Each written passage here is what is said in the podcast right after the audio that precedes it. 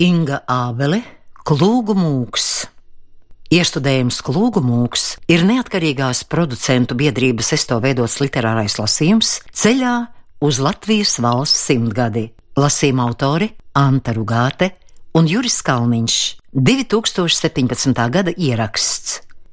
Romāna radiolasījumā darbojas Anta Rugāte, Raimonds Selms, Mārtiņš Egliens, Uldis Dumpis, Aija Dzērve, Gints Grāvelis, Juris Kalniņš, Zigords Neimanis, Kaspars Pūce. 11. lasījums.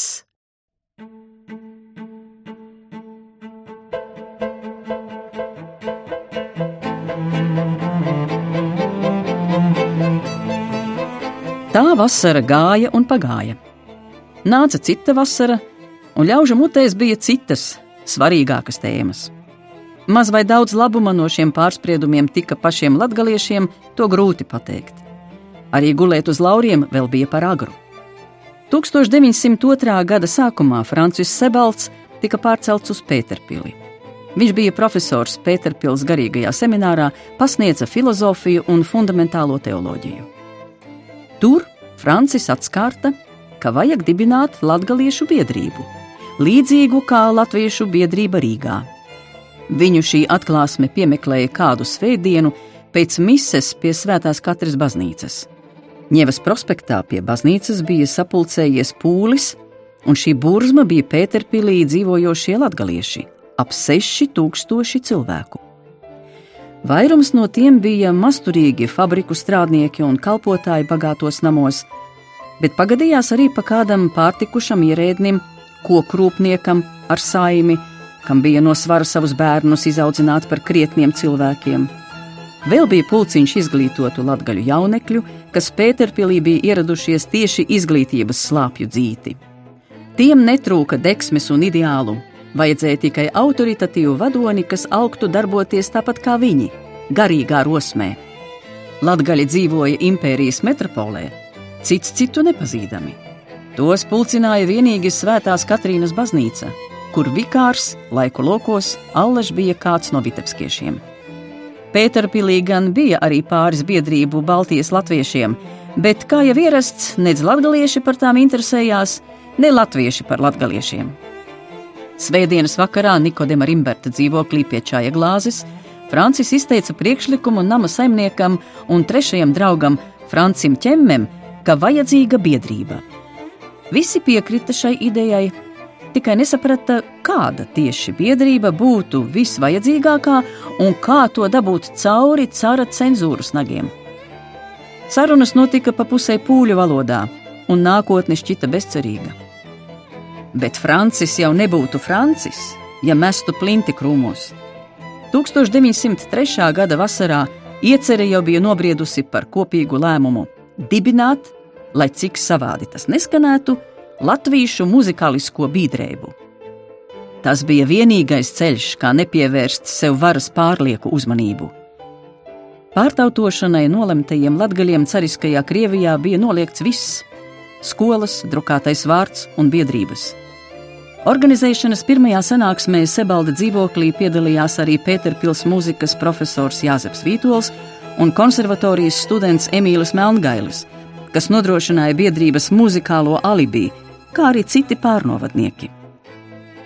Kad Latvijas biedrības statūti nokļuva pie Pēterpils Gradana Čaļņika, tie iegūla plauktā un apklājās putekļiem. Francis ķemme pēc pāris mēnešiem nosukāja cara armijas uniformu un kopā ar armijas biedru devās uzzināt, kā statūtiem klājas. Gradona Čaļņiks viņus laipni pieņēma, pacienāja ar čaju un uzdeva jautājumus. Kādēļ tiem Vitebskas latviešiem vajadzīga sava biedrība, kad Pēterpilī jau ir pietiekami daudz latviešu biedrību?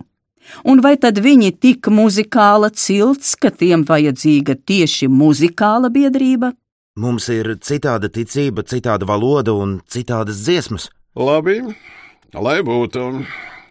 Tagad varēsiet dziedāt un lēkāt no rīta līdz vakaram.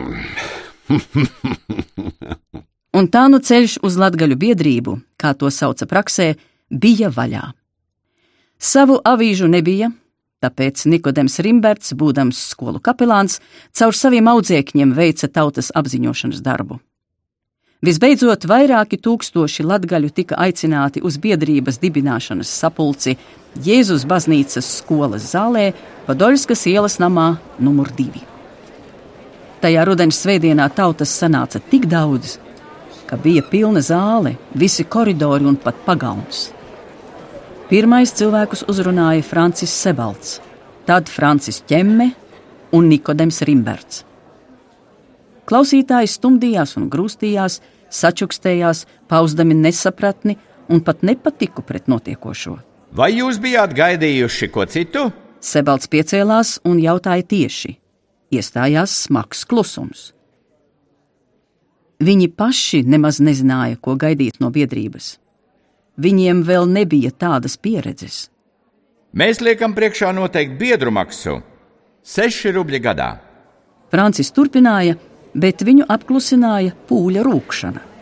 Neskaidrs baumas, viņus še bija sadzinušas, un neskaidras šaubas viņus stingzināja.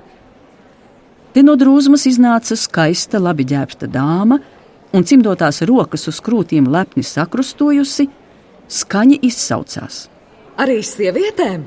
Kur lai mēs ņemam tādu naudu, ja algas mums ar vienu pusi zemākas nekā vīriešiem? Es lieku priekšā septiņi rubļi vīriešiem, pieci sievietēm. Atskanēja atbalsta saucieni. Kurš par šo priekšlikumu? Pacēlās roku mežs. Labi. Tā tad gada maksa septiņi rubļi vīriešiem, pieci sievietēm. Lūdzu, jaunos biedrus pie galda pierakstīties. Iestājās nogaidīšanas pauze. Blakus stāvošie viens otru nomēroja ar nedrošiem skatieniem. Tikpat nedrošiem soļiem pirmie iznāca no zāles un devās pie galda. Mēmi klusējot, nolika divus, trīs rubļus, piesakoties dibinātājos. Sebalts un ķemme tāpat klusēdami viņus pierakstīja. Nebija jēgas neko jautāt. Viss tāpat skaidrs. Arī šie pāris rubļi bija liela nauda. Visbeidzot, pie galda pienāca jaunā dāma ar valdzinošo balsi. Viņu pavadīja kungs ar druģa sārtumu vaigu galos, kas satraucoši kontrastēja ar bālo, koldono seju. Diloņs slimnieks nodomāja Francis. Terēze Augustīna Sokolovska, Henriks Pijus Sokolovskis, mans vīrs, privātskolotājs. Viņš latviešu nerunā, bet saprot un atbalsta latviešu kultūras centienus. Vai ne, Henrika? Francis nolūkojās Terēzes vaigā. Zeltainā āda bija izgaismota kā ezera virsma cauri vizošos staros. Kur viņš tādu bija jau redzējis? Bet varbūt šo iespaidu radīja gaišā audekla platmale, rūpīgi saskaņota ar somiņu un kurpēm. Viņas acis bija piekaltas tam, ko uz papīra rakstīja Francis.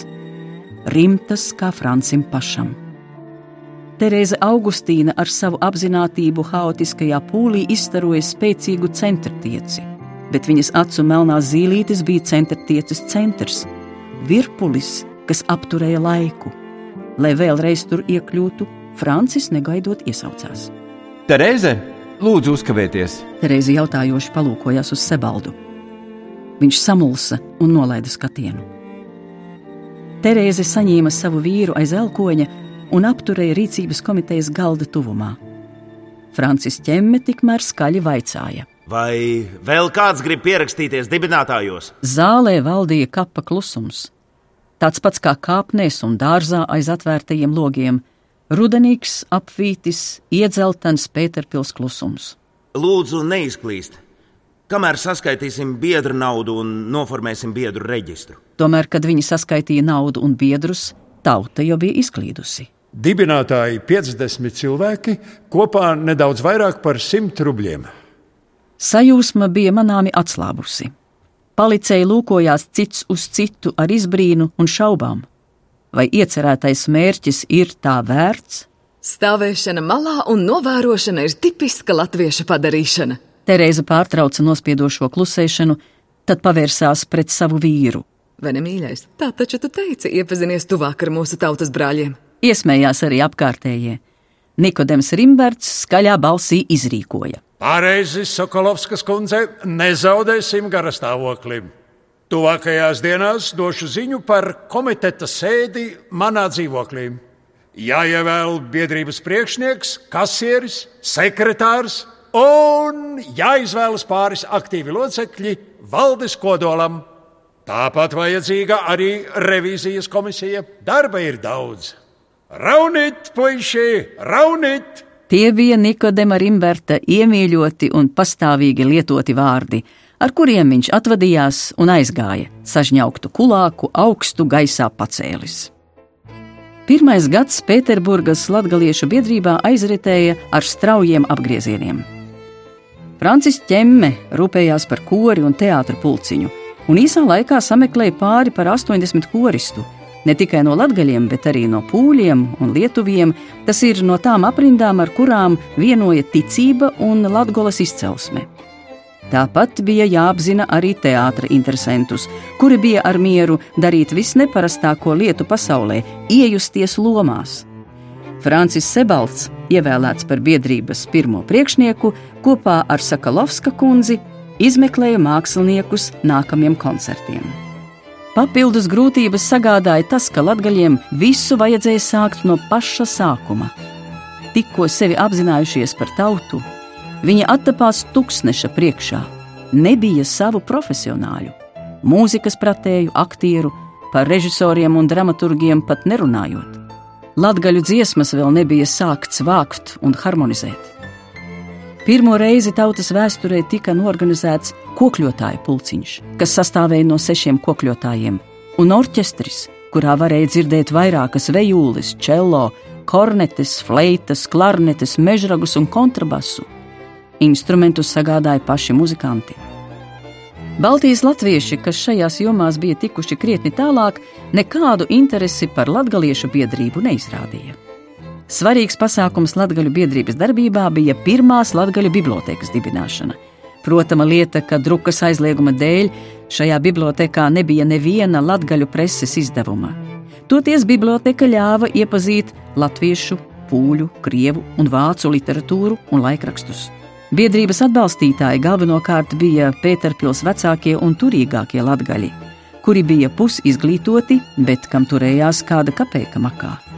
Jaunieši, kuri bija ļoti trūcīgi un atbraukuši uz lielpilsētu izglītoties, naudas vietā biedrībai varēja ziedot savu dedzību un spēku. Vecīšus priecēja studenti un gimnāzisti, kas izrīkojumos droši runāja un dziedāja senajā, pusaizmirstajā valodā. Ar laiku skolotāja jaunatne sāka kritizēt biedrības darbību, un savā jaunības nemierā biedrības ietveros dibināja jaunatnes pulciņu Gunkurs, no kuras vēlāk izauga otra kultūras biedrība - Gaisma.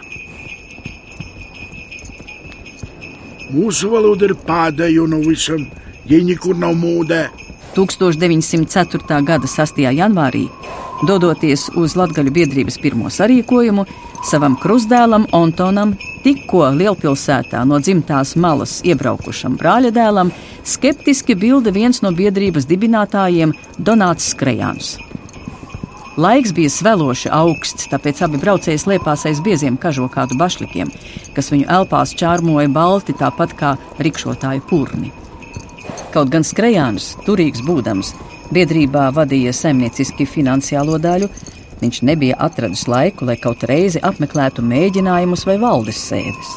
Galu galā no cilvēka, kam picerija, treja veikali un kas braukā pa ielām ar saviem, nevis īrētiem rikšotājiem, drīkstēja prasīt naudu, nevis laiku. Atdevuši aizjūgu kalpotāju aprūpē, Donāts un Antons iegāja biedrības namā. Ceļā viņi pasveicināja durvju sargu, kurš bija speciāli nolīgts, lai laikus brīdinātu par nevēlamu svešinieku vai policistu parādīšanos. Apakšējā stāvā bija garderobe, Abi novilka apsarmojušās sveitas. No pagrabstāva bufetes skanēja balsis. Turpat laban ar sajūsmu un druģainu steigu tika diskutēts par Latgolas kultūrālām un sabiedriskām lietām. Francis ķemme bija uz galda izklājis nelegālo latgaļu avīzi rokrakstā Zvaigzne, novilktu simt eksemplāros. Hektogrāfam vajadzīgie materiāli caur palīgu palīgiem bija sapirkti vai visās Pēterpils aptiekās. Tajā brīdī Donats bija iestājies pavērtajās durvīs un ierēcās diktā balsī. O, nalabo sāklā! Antons pārbijās, ka tūlīt sāksies sitnis un metās krustēvu mierināt, bet tas tikai cēla kulāku gaisā un smējās zem salā nosārtušajiem vaigu ābolīšiem. Bufetē sēdošie vīri cēlās kājās, apsveicinājās ar ienācējiem un mierināja Antonu. Viņa teica krustdēlam, lai tas lieki nesatraucas. Donāts nebūtu nesot palicis traks, par nelabo sēklu viņš saucot krievus un ienaidniekus. Antons arī iedzēra čaju, klausīdamies, kā Francis Sebalds runā par pagurumu Baltijas latviešu sabiedrībā, dzīšanos pēc individuālām vērtībām un par to, ka tautiskās atmodas ceļš vienmēr ir garš. Tauta, kas savos pamatos esot inerta un jau lielā mērā sajaukusies ar citām tautām, uz burvju mājienu nevarot palikt ar reizi par dedzīgu sevis atzinēju un savu mazāko brāļu atbalstītāju. Baltiešiem esot tuvākas dzirkstošās sociāldemokrātu idejas, bet latgaļi tiem šķietot par garlaicīgu un vecmodīgu ar savām konservatīvām vērtībām un katoļu ticību. Es lūdzu Rīgas Latviešu biedrības derīgo grāmatu apgādes nodaļai, lai tie izdod dažas grāmatiņas ar latīņu burtiem priekš latgaļiem, bet viņi atbildēja, lai bija tepskieši palīdz paši sev. Es šo atbildi neuzskatu par netautisku žestu. Rīgas Latviešu biedrības vīri vienkārši vēl nav izauguši līdz nacionālām idejām visas nācijas apmērā. Man doma viņiem vēl ir pārāk jauna un plaša. Redzēdams, ka iztirzājumais temats krustdēlam nešķiet interesants un viņš garlaikodamies ausās kā augstāvā mūzikas instrumentus palēnām skaņo orķestris, Donāts ieteica Antonam negaidīt un doties uz zāli. Antons lēni kāpa pa platajām kāpnēm. Aina, kas pavērās zāles plaši atvērtajās divviru durvīs, viņu apstulbināja. Tik daudz inflantiešu, un visi izskatās pēc kungiem. Viņš lēni virzījās gar balti mežģīņotiem logiem uz skatuves pusi, kur stāvēja vecas klavieres, pie kurām balsis samēģināja koristi ar savu diriģentu. Antons drīz ieraudzīja sev priekšā pulcējoties pazīstamus – Tikai par nelaimi tie nebija pazīstami puiši. Tās bija pazīstamas jaunkundzes, ar kurām reiz iet kopā pagasta skolā. Bet kādas tās bija tagad, Picera dzīvē? Helēna, Amēlija, Sofija, Elzīte, Tās citas viņš nepazina. Šalkas suknēs un smalkās kurpītēs, sapinušas resnās salmu krāsas bizes ap galvu sarežģītos musturos, kā smagas, nokoptas drūvas tās stāvēja un greizačoja uz viņu, Antonu, klamzīgo lāci, kura kostīms bija pārāk vienkāršs un mūsainie vaigi dega no kauna. Vēl vairāk meičas sāka smaidīt un māja pat sniedza pret viņu rokas un aicināja dejot. Namoku! Antons šausmās atveicinājās un metās pa to pašu ceļu atpakaļ uz durvju pusi. Pagājis dažus lielus soļus, viņš ieraudzīja, ka pretī strauji nāk tāds pats piesarcis ļūļa kā viņš. Divi metri bez galvas, zābakiem pēdējais vislielākais izmērs, deguns kā krauklim, rokas kā patmalu spārni. Meiteņu skatieni vēl aizvien izsmējīgi dursta mugurā. Un ko tad tagad? Svešajam bezkaunam vēl ceļu griezt? Nē, Antons apņēmīgi metās uz priekšu, lai bīstas. Viņš ieskrēja ar pieri lielā spogulī pie sienas. Oi! Taustīja ar sastrādātajiem pirkstiem ledus vēso kristāla virsmu, tad sāpošo pieri, meklējams asinis. Pārsists nebija. Cerams, kā arī puna vai ziluma nebūs. Apakšlūpa drebēdama nostiepās uz leju, kā krūts bērnam. Asara ieriesās raudajās skropstās. Šāda kauna vēl trūka sasodītajā lielpilsētā. Kā meža lācis, ko dīda naidīga griba, viņš nozvērējās pie pirmās iespējas laisties atpakaļ uz savu drošo dzerauni. Saņēmies viņš lēni griezās pret zāli. Providence! Antons bija tapis apžēlots. Neviens viņa kļūmi nebija redzējis. Visi pamazām kārtojās uz polonēzi. Arī pazīstamās jaunkundzes bija novērsušās, viņas lūkojās uz skatuvi, kur muzikanti iemēģināja pirmās taktis. Tomēr otru reizi Antons šādi riskēt negribēja. Viņš gluži bez spēka noslīga uz tuvāk esošā beņķa maliņas, piespiedās pie pašas sienas, pielīmēja plato muguru samta špaleriem. Sagaidīs krustēvu tepat augšā, zem zeltītiem kroņlukturiem.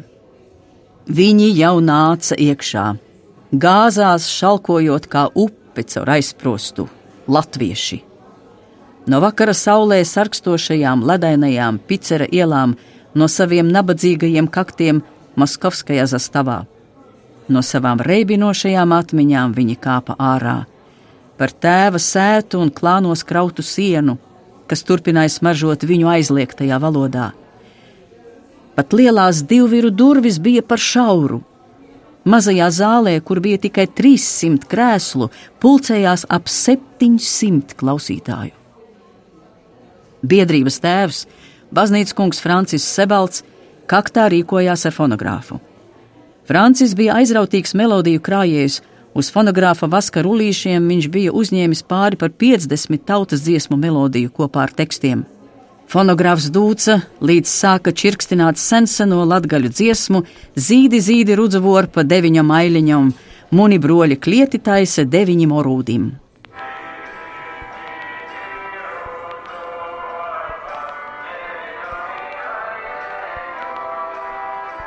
Sēdošie piecēlās kājās, vīri noņēma cepures, zālē iestājās klusums, kurā varēja dzirdēt simtām siržu kopā dunām.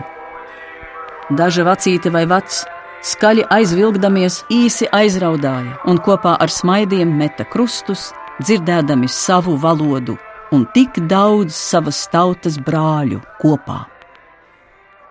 Kad dziesma bija izskanējusi, Sebalds turpināja ar dievvvārdiem, Un visbeidzot, labā cerībā pirmais latviešu muzikālās biedrības sarīkojums tika atklāts. Klusībā aizmuguriski vienojušās negaidīti smeldzīgi ieskanējās vejūles, vienoti uzņemdamas Oginska polonēzes melodiju un auzdamas no tā rakstainu jostu arvien platāku, sajožot pārus ciešā tvērienā. Krēsli tika aši sabīdīti gar sāniem Donats Krejāns vadīja sarīkojuma deju sadaļu, kliegdams franciski. Antons, kurš vēl aizvien turējās saurup kaktā starp logiem, pārmestams sev skriešanas poguļstiklā, gluži kā sīlis pret logu, brīnījās par krustēvu. Kur viņš tik labi iemācījies runāt franciski? Te pēkšņi Antona redzes lokā ieslīdēja pietvīcis vaiks. Uz šaurajiem, kailajiem pleciem vēl inflantijas iedegums. Viņas biezie mati bija īsi apcirpti un saglausti kā zēnam, droši vien pārslimota tīfa sekas. Ar labu prātu jau viņa nebūtu šķīrusies no smagajām vizēm. Divas brūnas acis uzmanīgi vērās viņā, sārtās lūpas smaidīja, šalkā cimdotā roka bija aicinoši pastiepta, aicinot uz danci. Skrebeļu Elzīte! Šoreiz viņš nevarēja atteikties kurš inflantietis gan neprot Oginska polonēzi. Tas nav iedomājams, tāpēc Antons tikai strauji aizsarka un devās līdzi. Pēc polonēzes viņš koka pagali stīvi palocīja zodu, noveda Elzīti malā un pats atkal piespiedās logam ar sasvīdušo plaukstu, ieķerdamies palodzē kā slīcējs glābšanas riņķī. Kaut nu nenāktu atkal! Tomēr sirdī laikapstākļi bija mainījušies. Ar dievu Pēterpils augstā miglainā neizturamā ziema. Zāle bija uzkarsusi dejotāju elpās, arī dzīslās pulsēja guns. Šķita, ka tās pietiks ilgam laikam. Antons vairs tik ļoti nekāroja atgriezties dzimtajā sētā. Suplok bija apstājies Francis Sebalts. Viņš tērzēja ar Sokolovsku pāri. Nē, nevis tērzēja, bet apsveicinājās. Pareizāk sakot, Henriks Pīls bija tikko pievedis sievu pie baznīcas kunga. Vai jūs būtu tik lepns? Viņai ļoti patīk dejot, bet man. Jā, atvainojos. Es negribu, Henrika. Man tas nemaz prātā nav nācis. Es varu arī nedējot. Mīļā, es zinu. Es visu zinu. Atvainojiet, redzu, jums šajā vakarā nav pāra. Lūdzu, Padejojiet ar manu sievu. Francis nespēja Sokolovskim atteikt. Viņš piedāvāja Terēzai elkoni un pazuda dancotāju drūzmā. Donats tobrīd skaļi izkliedza: Zingarā, Mazurkā!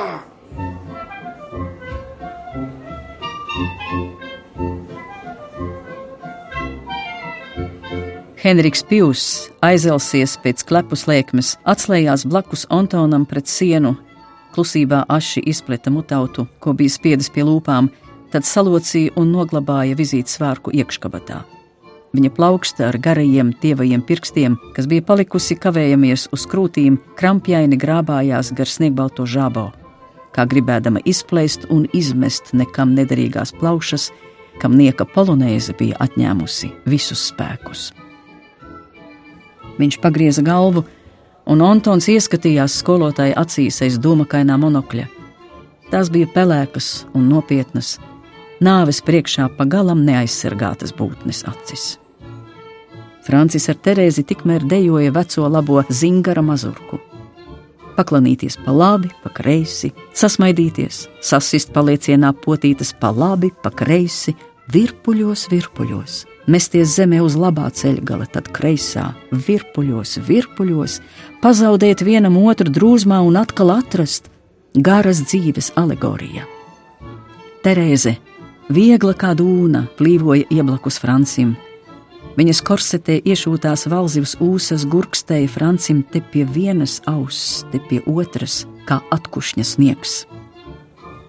Mazurka beidzās, pārāk strauji pēc viņu domām, apstulbinot abus. Aizelsušies, viņi palika viens pret otru ar tādu kā izbrīnu un pateicību acīs. Vēl nekad ar kādu nebija tik labi sadejojušies. Deja vienmēr saistījās ar kādu neveiklību, tīšu vai netīšu, kur traucēja pietivīkums, atrisušas zābaku šņoris, blusa apakšveļā, nomīti purngali, nesaderīgi temperamenti, sviedru pleķis padusēs, saraustīta elpa, Tagad viss ķermeniskais atbīdījās kaut kur fonā, vairs netraucēja. Priekšplānā palika tikai dziļa un neviltota tīksme par kustību. Par to, ka iespējams ar otru justies tikpat brīvi un viegli kā ar sevi. Nē, vēl brīvāk, vēl vieglāk, kā atraisoties no sevis. Par to, ka iespējams uzzināt otra domu, un paredzēt kustību vēl pirms tā kļuvusi par darbību un aizlidot. Orķestris sāka un beidza poļu mazurkas, franču kadriļas, romu polkas, strausa modernos piceriju modē nākušos valšus.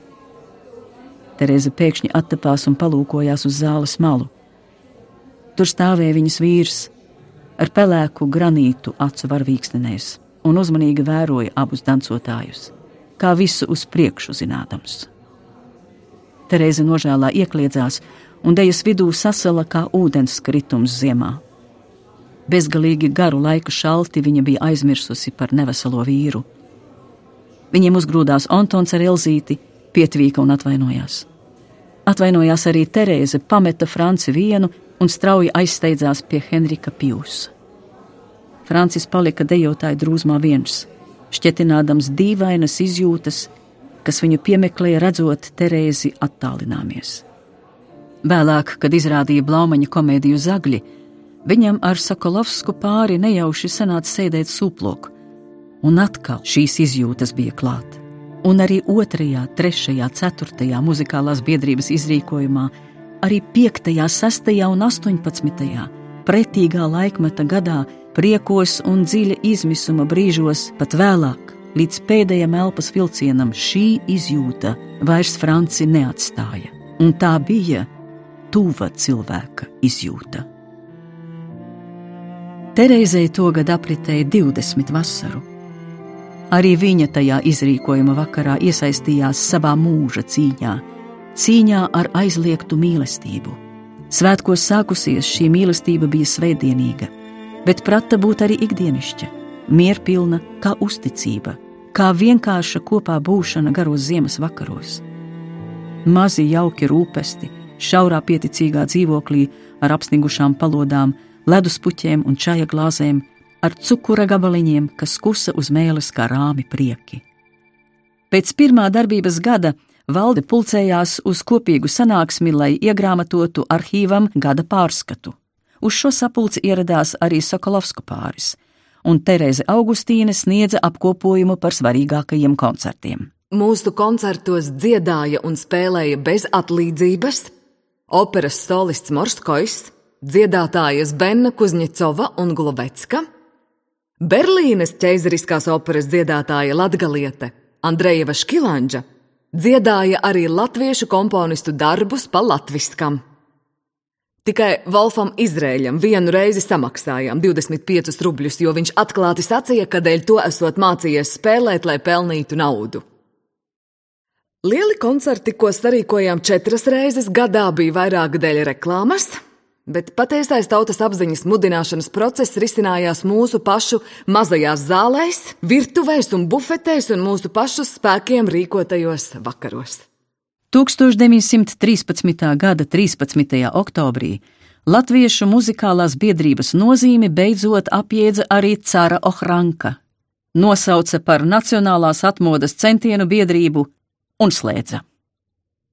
Muzikālā biedrība ar panākumiem aizdarīja savu pirmo gadu, bet jaunās sezonas sākumā Sokolovsku pāris uz pasākumiem neieradās vairākas reizes pēc kārtas.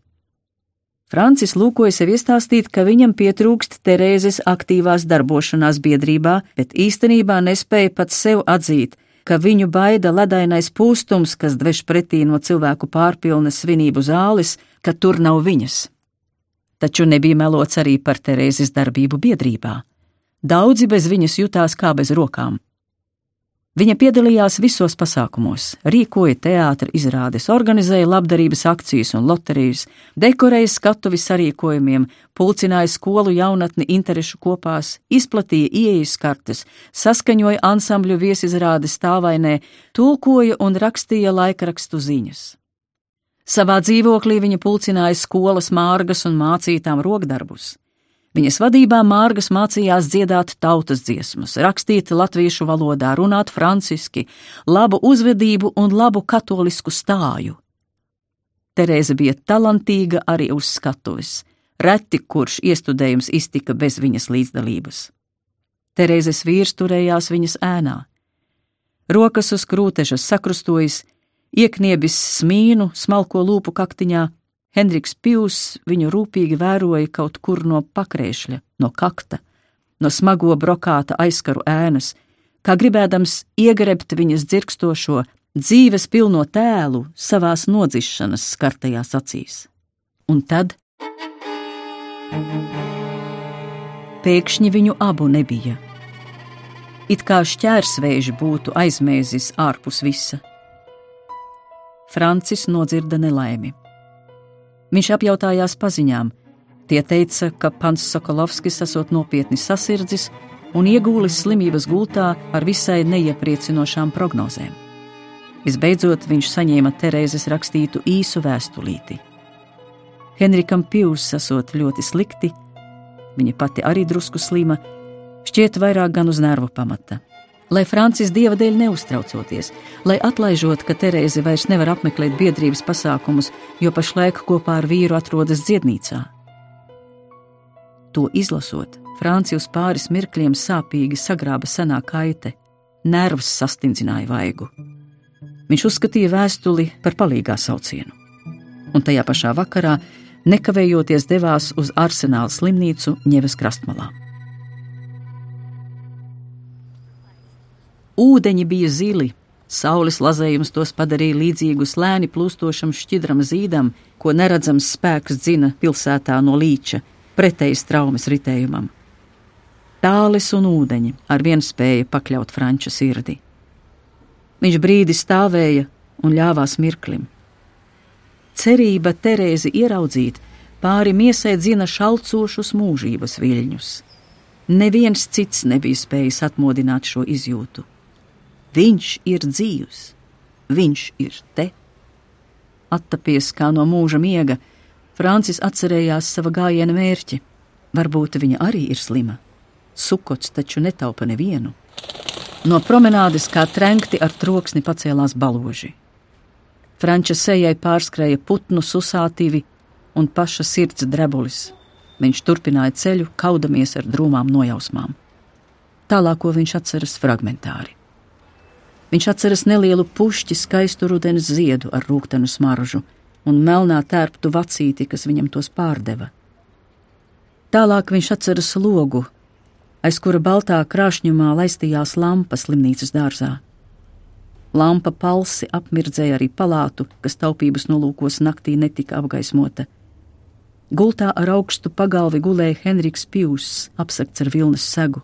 No gultas malas reizē ar ienācējiem strauja bija pietrūkusies kājās kāda ēna. Tā bija Terēze Augustīne. Sniedza Francim roku. Seja bija bāla un izdilusi, elpa strauja, acis spīdīgas. Francis pasniedza viņai ziedus. Terēze tos satvēra satraukti, kā zīdāms bērns pirmo reizi instinktīvi saķer mātes roku un iesaucās pēc māsiņas. Terēze lūdza nekavējoties ielikt ziedus ūdenī. Nav nekādas steigas. Francis glāsmaini bilda viņas vēsos smalkos pirkstus savā karstajā plaukstā satverdams. Ir gan steiga. Viņi visi šeit nesteidzas un gaida. Sazin, ko gaida. Kad māsa aizgāja, nervozi žēlojās Terēze. Francim viņa likās tāda pati kā sapulcēs, smaidīga, laba, tikai ļoti bāla. Viņas balss bija piesmakusi, kā kad viņa baidītos iztraucēt, pamodināt. Bet Henriks Pjūss jau bija durvju klaudziena pamodināts, lūkojās šurp no pakrēšļa. Terēza ieraudzīja vīra skatienu un atrāva roku. Dārgais, ir atnācis baznīcas kungs Sebalts. Viņa pūliski teica, pieiedama vīram klāt, paceldama tā smago galvu un novietodama atpakaļ uz spilvena, no kā tā bija nokārusies kā vēja lausts ziets. Priecājos. Tā tad ar mani jau ir tik tālu. Nebūtu nē, dārgais. Viņš ir atnācis pie manis privāti. Nekādas atrunas, dārgā. Ja viņš ir atnācis, es lūgšu viņam pēdējos sakramentus. Nē, Henrika Pjūs, vēl ne. Francis nojauta, ka tas nav teikts Henrikam, bet kam draudīgam, kas slēpās tur aiz loga, tumšajā slimnīcas dārzā, piķa melnajā naktī vai varbūt baltajā eļļainajā lampas gaismā - nāvei.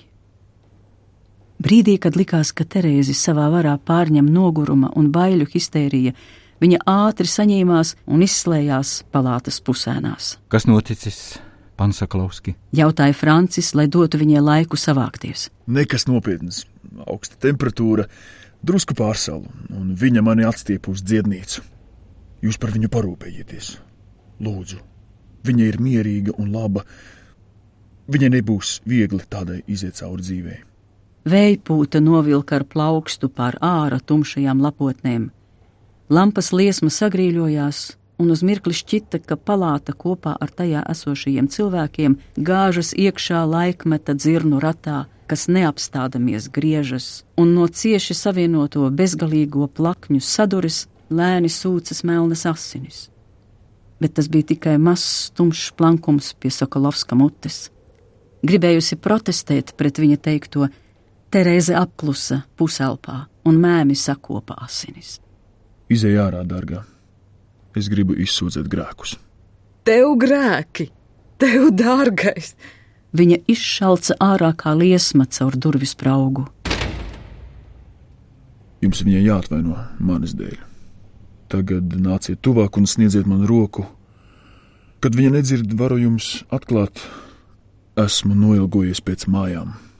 Francis apsēdās uz gultas malas un satvēra abu plaukstu kausā viņa kaulaino vēso roku. Viņš pieliecās sirdzējam tuvu, bet Terēzē bija taisnība. Tie patiesi nebija grēki, kas karstos, lūstošos čukstos, kā ledi lauzās pāri drebošo lūpu aizsprostam. Tā bija vienkārša cilvēciska atzīšanās, reizē naidam un mīlestībai uz neizprotamo dzīvi. Tās bija dienu sanasas, ilgi krājušās laika putas, pieklājībā aizturētas drosmīgas pārdomas par to, kas ar cilvēku noticis kopš brīža, kad esamība to bija izsaukusi šajā saulē, līdz brīdim, kad Dievs gatavojās viņu ņemt pie sevis. Nu, esmu sagatavojies pēdējai pārējai. Esmu pie šīs zemes dzīves robežas. Svaidiet mani dzīves noslēgumā. Sebalds deva aizgājēju sakramentu. Sokolovskis viņa rokās atslīga mierīgs kā bērns, pirms ilga, spirdzinoša miega. Pirms baznīcas kungs atstāja palātu, no gultas vēl atskanēja sirdsēja balss. Bet par viņu es nopietni jūs lūdzu, palīdziet viņai. Mana mūža ir drupās, mūsu dzīvokli paņēma augļotājs. Es gribu, lai jūs zinātu šos apstākļus, no kādiem līdzekļiem esam dzīvojuši. Bet man tie nav jāzina. Jums jāzina, jo es saucu dienu un nakti pēc pēdējā svaidījuma, bet viņa visus aiztrieca. viņa jūs gaidīja. Es viņai cauri redzu. Viņa ir tik laba, ka nespēja neko noslēpt. Ar Dievu. Viņš atceras, tajā pašā brīdī iedomājās, ka šī būs tā situācija, viena no tām, kas ir cilvēcīga un tieši tāpēc tik nožēlojama. Visu mūžu viņš no tās nespēs atbrīvoties neskaitāmās grēksūdzēs. Sarežģītās izjūtas pret Terēzi, nespējas atzīt pat mirstošā Sokolovska priekšā, viņš tās mirklī iznīcināja, nocirta līdz saknei, vēl pāris stundu atpakaļ krastmalā plaucējis un audzējis kā dzīves stādu un jēgu. Tagad viņš būtu gribējis ar roku aizspiest pana Sokolovska lūpas, lai tās nepauž, lai klusē, dieva dēļ, lai nekarina viņam kaklā šo smago, dārgo nastu Terēzi. Lēgdams pāri trījiem pakāpieniem ar reizi, Francis sajauca virzienu kāpņu pagriezienā un ieskrēja dārzā. Kas zina, varbūt kāds ar ziņu sajauca viņa ceļu. Viņš atceras tur stāvam Terēzi Augustīni. Zem baltās lampas, naktstauriņu mīkstās sijāšanās un zumēšanas apņemtu. Atceras sevi, saņemam viņu pie alkoņiem, atceras viņus elpu sev uz kakla un viņas vārdus Viņš mirst, Reņģis, vai ne? Terēzes balss ir kaila un vāja kā liesma. Un kas būs ar mani? Vai viņš teica, ka man vairs nav kur iet?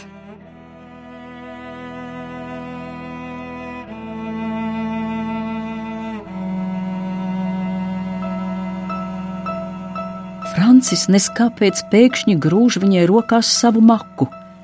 Viņa izvairās tam pieskarties kā pretīgam rupucim, maks nokrīt zemē, pietūcis. Tur allaž glabājas kāda summa no muzikālās biedrības kases ieņēmumiem. Tagad tajā ir kupča Donāta Skrejāna grēku izpirkšanas nauda, bet maks ir no buļļādas, seno meistaru darinājums, vecā Tanslava Sebalda maks dāvāts dēlam.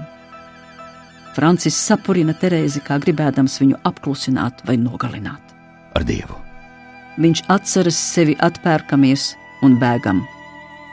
Terēze nav tas, ko viņš izvēlas. Viņš izvēlas dievu un ķeizaru. Pēc mises svētās katras baznīcas pagalmā baznīcas kungu Sebaldu panāca nabadzīgs noskrandušās striķu lapcēs apāvies vacs, Viņš raustīja Francijas piedruknes un kaut ko centās iečukstēt baznīcas kungam ausī, sāpīgi viebdamies stindzinošajā decembra rītenī, kas svelpa pa ņevas prospektu un neatlaidīgi knaibīja vecā vīra nīko miesu zem padilušajām drānām. Francim galva bija pilna citu domu. Mise galvaspilsētas baznīcā viņam šorīt bija gājusi īpaši labi pie dūšas. Tā sveitīja un solīja. Tieši Francim solīja ko grandiozu, vilinošu to, kas viņam patika vislabāk - impērijas galvaspilsētu, tās spožumu un postu, plašu vietu, kur atkal ievingrināt notirpušos spārnus. Tā gada 6. augustā tika izdots likums par valsts domes radīšanu. Kas to vēlēs un kāda tā būs, to neviens skaidri nezināja. Šķiet, arī pats cars ne bet Reizeknē daži valdības pārstāvji bija iečukstējuši Sebaldam ausī, ka no Latgolas valsts domē vēlēšanu gadījumā varētu tapt ievēlēts viņš. Un vai tas nebūtu tikai godīgi? Pēc aizgrābjošās mises, kas pacilāja un sapurināja dvēseli, Sebalda omu krietni sabojāja viņa students Nikodema Rimberta radinieks Francis Ķemme pienācis pie Sebalda stīvi uz augšu saskrūvētām ūsēm, kā pulksteņa atspērēm, plānās pelēkās lūpas kodīdams, un ar visiem pieciem pirkstiem viļņainos matus pār pakausi sukādams, viņš sveicināja savu garīgā semināra pasniedzēju, vispirms pagodinādams Jēzu Kristu, un tad turpināja bez aplinkiem. Esmu dzirdējis, ka jūs grasāties apkarot gaismu. Sakiet, kāpēc? Es gaismu neuzskatu par personisku īpašumu, bet par kopīgu pasākumu, kas pieder visai tautai. Ja jūs tai ko ļaunu nodarīsiet, jūs nodarīsiet ļaunu visai tautai. Francis bija pārsteigts par tādu tiešu uzbrukumu un vilcinājās ar atbildi. Ķemme, kurš gadiem nesājās ar ideju par avīzi, tādu bija dibinājusi. Jau pirms gada rudenī viņš cēsīs pie Jāņa Ozola bija nodrukājis inflantiešiem tradicionāla satura kalendāru ar nosaukumu Daugava un izplatījis tautā caur draudzēm. Kalendārs iedzīvotājiem patika, ķemme sildījās sajūsmas saulītē. Arī ekonomiskie rādītāji bija jo labi tāpēc, ka netika izmantotas dārgās picera tipogrāfijas, bet baltiešu ozola drukātava. Turklāt gadsimtu mijā Pečora klostera mūka Nestora 16. gadsimta kronikā ķemme bija uzracis Letigolas vārdu, un nu to dedzīgi daudzināja. Viņš ne brīdi negrasījās dusēt uz lauriem, Tagad viņam vajadzēja avīzi. Nāca uz muzikālās biedrības sapulcēm un katru, ko satika sarīkojumos uz ielas vai tirgū, ķēra pie pogas. Mēs iesim kā dziļā mežā un sauksim: brāļi, mostieties, celieties, sāciet jaunu dzīvi! Viņš aizgrābts deklamēja. Viņu turēja par apmātu un sāka no viņa bēgt. Sabiedrības vairums, kā tas mēdz būt ar vairākumu, lūkojās pēc viedokļa, lūkojās uz sebaldu. Sebalds nogaidīja, neteica neko. Biedrība Sebalda mudināta sākumā pat iedeva zināmu starta naudu jauniecerētajai avīzei. Lai atkratītos no viņu uz kādu šalti un paskatītos, kas tur iznāks. Mazliet augstprātīgi biedrības rīcību komentēja Francis. Taču ķemme bija neapturams. Savu lolojumu viņš nosauca par gaismu, un tā tapa par acu mirklīgu un necerētu veiksmi spožu parādību Latgolas latviešu kultūras vēsturē. Cenzūras priekšā ķemme lēkāja kā circenis pa karstu pannu. Izpētījis avīzes salikumu, cenzors Remiķis bija iztrīpojis visu svarīgāko, ko censonis ar šo avīzi gribēja pateikt tautiešiem. Visi dedzīgie raksti par gaismas aušanu, par ceļšanos no mīga un saulētas liekšanu tika apvilkti ar melniem rāmjiem un pagodināti ar asins sarkanām izsaukuma zīmēm. Ķemme visiem līdzgaitniekiem šķita pazudis zem ūdens, iznīcināts, nogremdēts. Kamdēļ drukāt tukšu avīzi, ja liekts pateikt svarīgāko, kas bija sakāms, vai arī ciest klusu un gaidīt uz labākiem laikiem? Taču vēl aizvien bija piektais gads. Cārs lēni lieca savu svina smago nolemto galvu tautiešu priekšā, līdz tie varēja mēģināt uz tās uzrāpties ar vīzēm un atspiesties ar izkaptīm. 5. gada 24. novembrī parādījās jauns rīkojums, kas paredzēja atvieglojumus preses izdošanai. Atcēla iepriekšējās cenzūras nepieciešamību. Remiķis varēja mierīgi iet pensijā. Tomēr pirms tam viņš paspēja izdarīt ko cildenu. Gaisma jau bija izcenzēta, bet ķemme to izdeva tādu, kāda tā bija iesākumā. Cenzūras iestāde izsauca viņu uz pārunām. Par agru vēl gavilis par vecās kārtības sabrukšanu. Brīvību katrs saprot pa savam. Mazliet raustīdams valodu, pratināšanā nervozi skaidroja Remiķis, klapēdams ar zīmuli pa galdu. Tomēr latviešu cilvēks būdams, viņš gribēja palīdzēt inflantiešiem. Tā nu iznāca, ka cenzors un cenzējamais beigās kopā kala plānus, kā projektu pabīdīt, kuram iesmērēt, kuru pazeltīt, kā atrast smēres un zeltījumus. Mecenāti atradās turpat picerī, bagāto latgaļu vidū. Tā gaisma bija un palika atļauta avīze. Varbūt pat 1861. gada manifests ļaudīs naradēja tik lielas prīcas, kā pirmais gaismas numers. Tā runāja tautā. No Vitebskas guberņas uz piceri atkūlās pats klūgu jūze, lielais rokrakstnieks, grāmatnieks, klūdzinieks. Viņš visu mūžu kāju ārpus savas ganu skolas krūmāja nebija spēris, paziņoja, ka brauc uz galvaspilsētu satikt to slaveno ģenerālu vai veiskupu, kas inflantijas latviešiem ir izdevis jūs mēlē taidu lobu avīzi. Ģenerāļa vai bīskapa vietā viņš redakcijā satika nevis lepnu kungu, bet pieticīgu vienkāršu gadus 30 vecu latgaļu puisi, kurš aicināja piesēst un iedzert kopā tēju, bet pēcāk ielūdza uz vakariņām un bagātīgi pamieloja tautieti no citas malas. Ķemme sirsnīgi izsmējās par klūgu Jūzes iedomu, ka viņš esot bīskaps. no manis tāds pats bīskaps kā no kliņģera ritenis. E, nu, studēju gan garīgajā seminārā pie Sebalda, bet pēdējā kursā saradās spīts. Domāju, visi par baznīcas kungiem sataisījušies. Man vajadzētu ko tādu, kas citiem nav padomā. Iestājos Cāra Leibgvardos, Izmailovas pulkā. Esmu rezerves praporšķiks. Pat labi, esmu nokārtojis mājskolotāju tiesības latīņu valodā, no tā arī pārtieku. Sapnis man ir pabeigt civilinženieru institūtu, bet kad tas vēl būs? Jo iztiks līdzekļi ar vien pietrūks, tāpat kā arī laika, sabiedrisko pienākumu dēļ. Kad Jūze pastāstīja, ka visās inflantiešu sētās gaismu gaida kā saules gaismu, un katru vakaru lasa priekšā kāds labāks rakstu pratējs, līdz katrs numurs pārvēršas par saburzītu un sadildētu papīra drisku, ķemme bija gandarīts. Arī Sebalts uzzināja par klūgu Jūzes vizīti Pēterpilī. Francim neskauda, nebūt nē. Viņu tikai urdīja nemieris par gaidāmajām domas vēlēšanām. Nekādas latgaļu partijas nebija, un tādu arī nebija iespējams izveidot esošajā situācijā. Faktiskā vara atradās garīdznieku rokās vajadzēja rīkoties bez partijas. Tāpēc tagad, skatīdamies nervozajā ķemmes sejā, Francis atbildēja: Pēc dažu domām tu esi nevisai nosvērts un pakreiss. Kā kad būtu šādu atbildi gaidījis, ķemme sparīgi pamāja ar galvu. Oh, nu tā jau domāju, ka tu minēsi mužniekus. Arī garīdzniekus. Bailes par manu kreisumu ir pārspīlēts.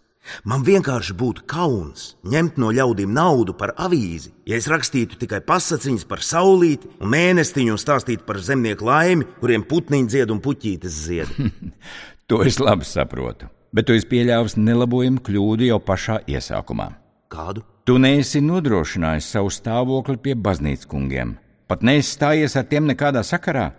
Bez baznīcas kungiem šajā laikā ne tikai nav iespējams izplatīt avīzi, bet nav iespējams to arī ilgāku laiku uzturēt. Kā neesmu nodrošinājis? Kā neesmu stājies sakaros? Vai tad pats nedevi mūsu avīzē rakstus? To arī gribēju lūgt, dod vēl. Es varēju tikai drusku piepalīdzēt, vairāk nevarēšu. Kā tā? Tu esi kā nenorūdzis jauns alus, kam nevar uzticēties. Ko darīs baznīcas kungi, ja tu nosversies uz kreiso pusi, viņam nebūs sava izdevuma? Starp latgaliešiem taču nav ne asu pretēju grupu, ne šķaušanās. Visiem tikai viens prāts un viens rūpes - pacelt tautu. Es taču to pašu saku. Tev tikai ar savu avīzi jānoiet malā, tautas labad. Ķemme nobāla, visu sapratis. Sebalts uzskatīja sarunu par pabeigtu, palocīja galvu un devās ārā no baznīcas. Viņš jau bija ievadījis sarunas, lai pēc mēneša reizeknē sapulcētos pāri par 40 baznīcu kungu un spriestu par savas avīzes izdošanu.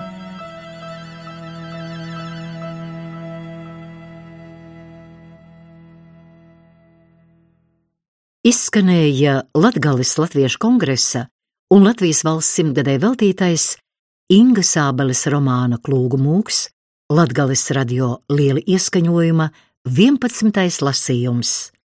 Radiolasījumā darbojās Ante Rugāte, Raimonds Selms, Mārtiņš Egliens, Uldis Dumpis, Aija Dzērve, Gins Grāvelis, Juris Kalniņš, Zigords Neimanis, Kaspars Pūce, komponists Juris Vaivots, skaņu režisors Andrijs Krenbergs, režisors Juris Kalniņš.